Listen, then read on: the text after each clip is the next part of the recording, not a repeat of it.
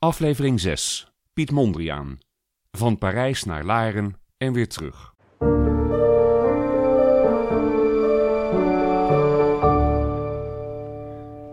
Parijs, voorjaar 1911. Piet Mondriaan is voor het eerst in de Villumière. Hij is de vooruitgeschoven post van de moderne kunstkring, de groep rond Jan Toorop, Jan Sluiters en hemzelf. Mondriaan kreeg de opdracht polshoogte te nemen van de artistieke ontwikkelingen in het centrum van de internationale kunst. Waar zijn die zogenaamde cubisten mee bezig? In het najaar heeft deze voorhoede van de avant-garde in Nederland een expositie gepland in de bovenzalen van het Stedelijk Museum in Amsterdam. Daar kan het Nederlands publiek voor het eerst kennismaken met de modernen. Mondriaan kijkt zijn ogen uit in Parijs. Aan zijn vriend Simon Maris schrijft hij een aanzichtkaartje. Ik heb er veel aan hier te zijn. Alles even groot en groots, hè? De afgelopen jaren heeft Piet Mondriaan een stormachtige ontwikkeling doorgemaakt.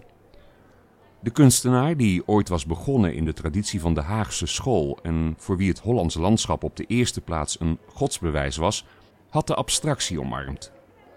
Menigeen kon hem niet meer volgen. Schrijver en psychiater Frederik van Ede oordeelde over zijn Molen in zonlicht uit 1908 dat de ontwikkeling die door Vincent van Gogh in gang werd gezet, was ontspoord in een ernstig geval van ontaarding. Van Eden bewonderde Van Gogh. Hij was de kunstenaar die. hard durfde zingen zonder vals te worden. Maar Mondriaans molen in zonlicht. Het werk van een kind. En nog wel een ziek, baldadig kind dat een paar potten verf tot zijn beschikking had. Van Eden herkent er de hand van de psychiatrische patiënten in die dagelijks bij hem over de vloer komen. Mondriaan legt de kritiek naast zich neer. Hij is niet langer de kopiist van de wonderschone schepping zoals Abraham Kuyper de kunstenaar het liefst zag, maar een waarheidszoeker. De natuur, of dat wat ik zie, inspireert me. Geeft mij zo goed als elke schilder de ontroering waardoor de drang ontstaat iets te maken. Maar ik wil de waarheid zo dicht mogelijk benaderen en daarom alles abstraheren tot ik kom tot het fundament, altijd nog een uiterlijk fundament, der dingen. Het fundament der dingen. In de jaren die komen zouden, brengt hij Gods schepping terug tot haar essentie. Een boom wordt een tweedimensionaal vlak van horizontalen en verticalen. Het wateroppervlakte van de zee een verzameling zwarte streepjes die de suggestie wekt van een eeuwig dobberen. Bij het uitbreken van de Eerste Wereldoorlog is Mondriaan in Nederland vanwege de verjaardag van zijn vader. Hij besluit niet terug te keren naar zijn atelier in de Rue du Départ in Parijs, hoewel dat wel degelijk mogelijk was. Mondriaan is als de dood voor het oorlogsgeweld. Hij sluit vriendschap met Theo van Doesburg, die hem benadert voor een Koningin Elisabeth boek dat de overrompelde Belgen een hart onder de riem moet steken.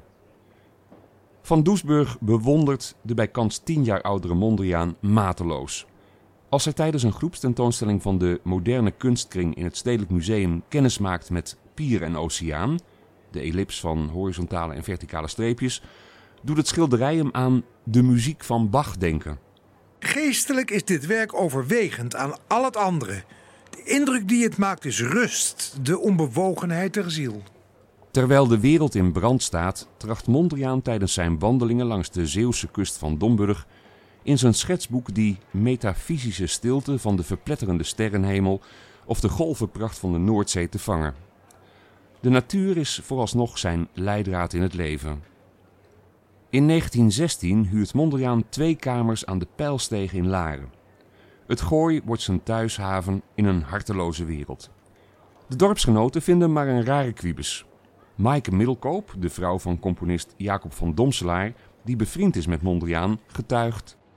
S'avonds gingen we vaak naar Hamdorf, daar Piet dol op dansen was. Wanneer hij met een liefst heel jong meisje had afgesproken, was hij voelbaar in een goed humeur. Als ik hem plagend vroeg hoe oud ze deze keer was, knipte hij verlegen lachend met zijn ogen. Dat weet ik niet. Hoe jonger, hoe beter. Maar het is wel een lievertje, hè? Dat dansen was een hoogst serieuze bezigheid voor hem. Hij danste rechtop met zijn hoofd schuin naar boven en maakte gestileerde passen. De Larense artiesten hadden hem dan ook spoedig de dansende Madonna gedoopt. Zijn werk wordt intussen steeds abstracter. In 1918 levert hij een doek af waarin iedere vorm van natuurbeleving is opgegeven. De compositie met de grijze lijnen in vierkante positie. Het tijdschrift van Theo van Doesburg, De Stijl, biedt hem het platform waarin de reine beeldende kunst voor het voetlicht wordt gebracht en becommentarieerd. Mondriaan heeft het over de nieuwe beelding. Wat houdt hij in? Wat streeft hij na in zijn kunst? De verbanning van het bijzondere en toevallige om tot een beeldtaal te komen waarin universele harmonie, vrede en geluk gerealiseerd zullen worden. Die blijde boodschap moet de verschrikkingen van de slagvelden van Verdun en de Somme doen vergeten. De kunstenaar kondigt de komst aan van de evenwichtige apollinische mens die zonder onderdrukking zal zijn. Niet van zijn hartstochten, niet van zijn muizenissen. De kunstenaar is nog steeds een spirituele boodschapper. Die roeping kreeg Mondriaan in zijn jeugd met de paplepel ingegoten. Maar dit keer heeft hij een aardsparadijs in het vizier. Men kan zichzelf geen atheïst noemen zonder religie, welke dan ook, werkelijk beleefd te hebben. Zegt Mondriaan tijdens een van zijn wandelingen door het gooi tegen muziekcriticus Paul Sanders. Als Piet Mondriaan in 1919 terugkeert naar zijn geliefde atelier in de Rue du Dupart, valt de kunstzien van Parijs een bitter tegen. Hij constateert een terugkeer naar het traditionele en figuratieve, een retour à l'ordre. De vooroorlogse geest van cosmopolitisme heeft plaatsgemaakt voor een benepen nationalisme waarin invloeden van buitenaf bij voorbaat verdacht zijn. Guillaume Apollinaire, ooit een hartstochtelijk pleitbezorger van het cubisme, bindt zijn landgenoten op het hart. We moeten niet uit het oog verliezen dat het misschien wel gevaarlijker voor een land is zich intellectueel te laten veroveren dan gewapenderhand. Zelfs de door Mondriaan bewonderde Pablo Picasso legt zich toe op het schilderen van uit het leven gegrepen harlekijnen. Picasso heeft op zijn beurt weinig fiducie in de weg die Mondriaan is opgegaan. Ooit merkte hij over het werk van Mondriaan op. Wat moet die vent zich vervelen? Hij schildert zijn hele leven hetzelfde schilderij. Nee, Mondriaan wordt bevestigd in zijn stellige overtuiging dat de stijl het voortouw heeft in de abstracte kunst. In een brief aan Van Doesburg in december 1917 schrijft hij over zijn Franse kunstbroeders. Ik voor mij blijf erbij dat ze wel op de goede weg zijn, maar dat wij verder zijn. Hij ontwikkelt zich tot een eenling in zijn Parijse atelier. Toch ontdekt Mondriaan in de metropool een levensgeluk dat de natuur hem nooit gegeven heeft. In de stijl schrijft hij. De werkelijk moderne kunstenaar ziet de wereldstad als in vorm gebracht abstract leven. Ze staat hem nader dan de natuur.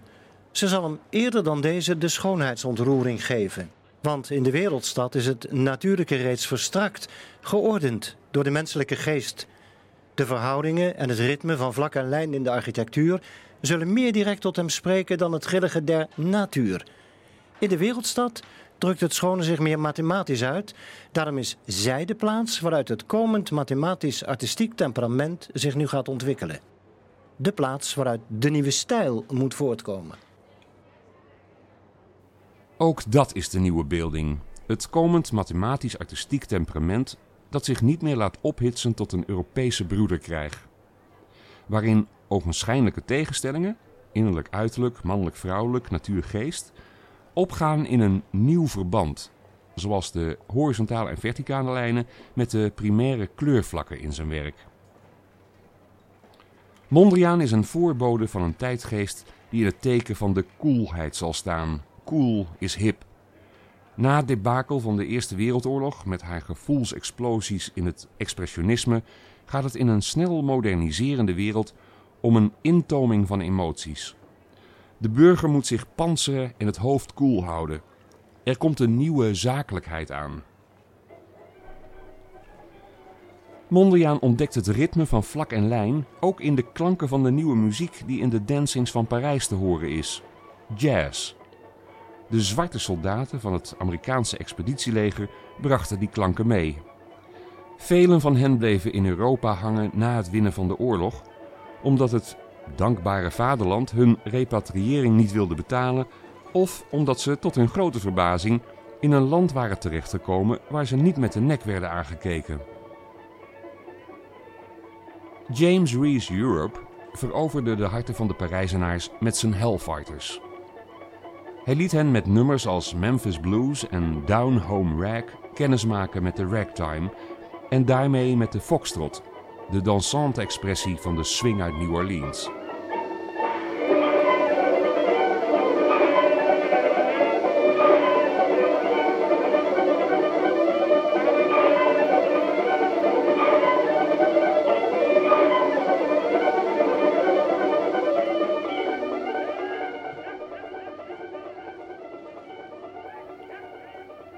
Mondriaan is verrukt van de moderne dansmuziek der dancings, de zogenaamde chasse bande.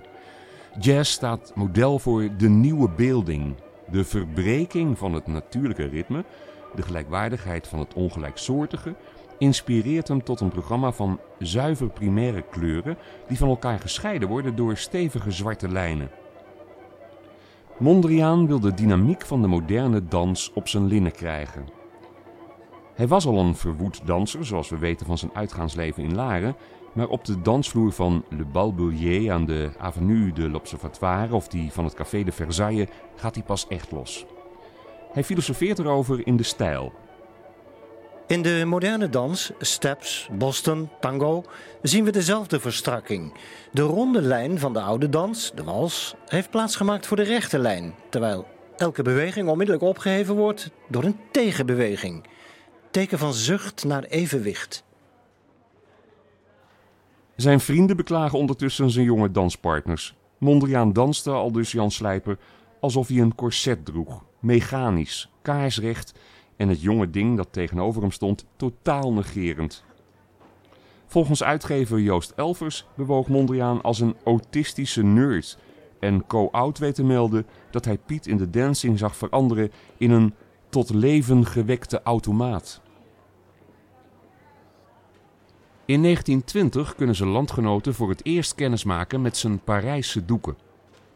De extraverte duizendpoot Theo van Doesburg had contact gelegd met La Section d'Or in Parijs.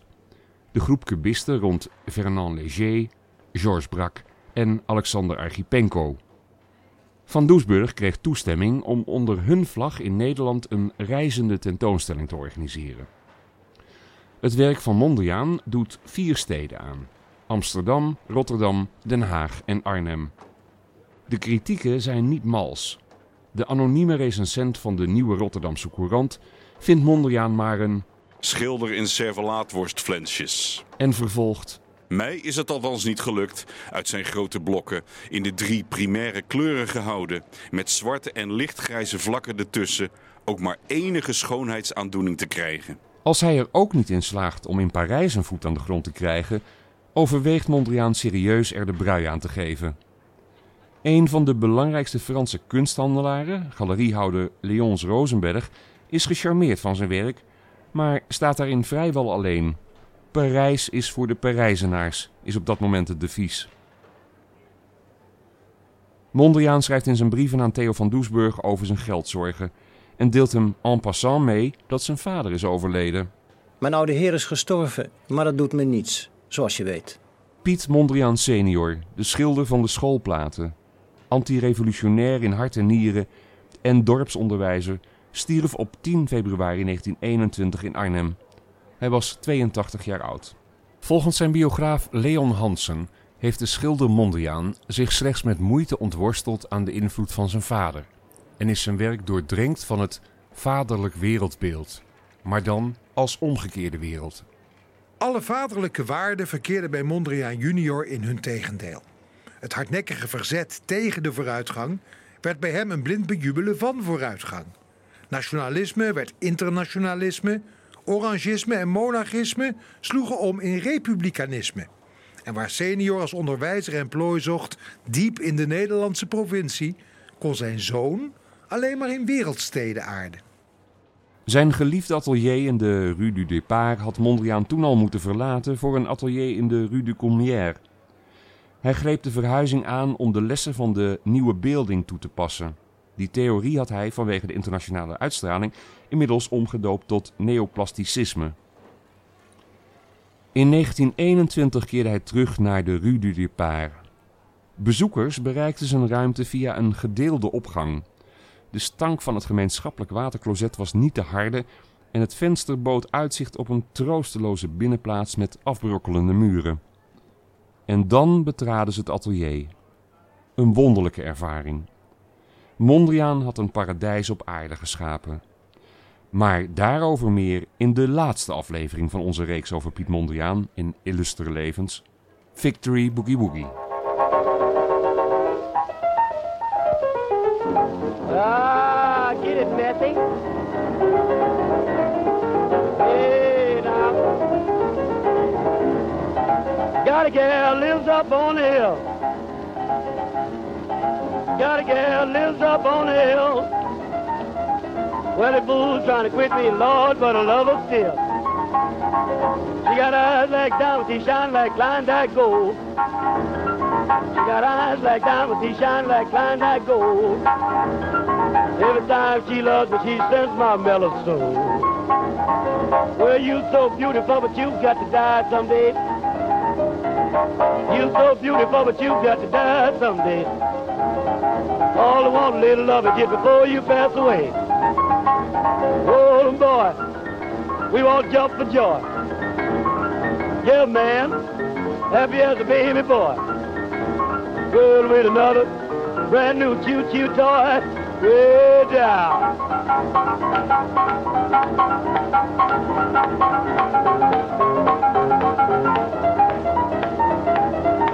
Hey, now.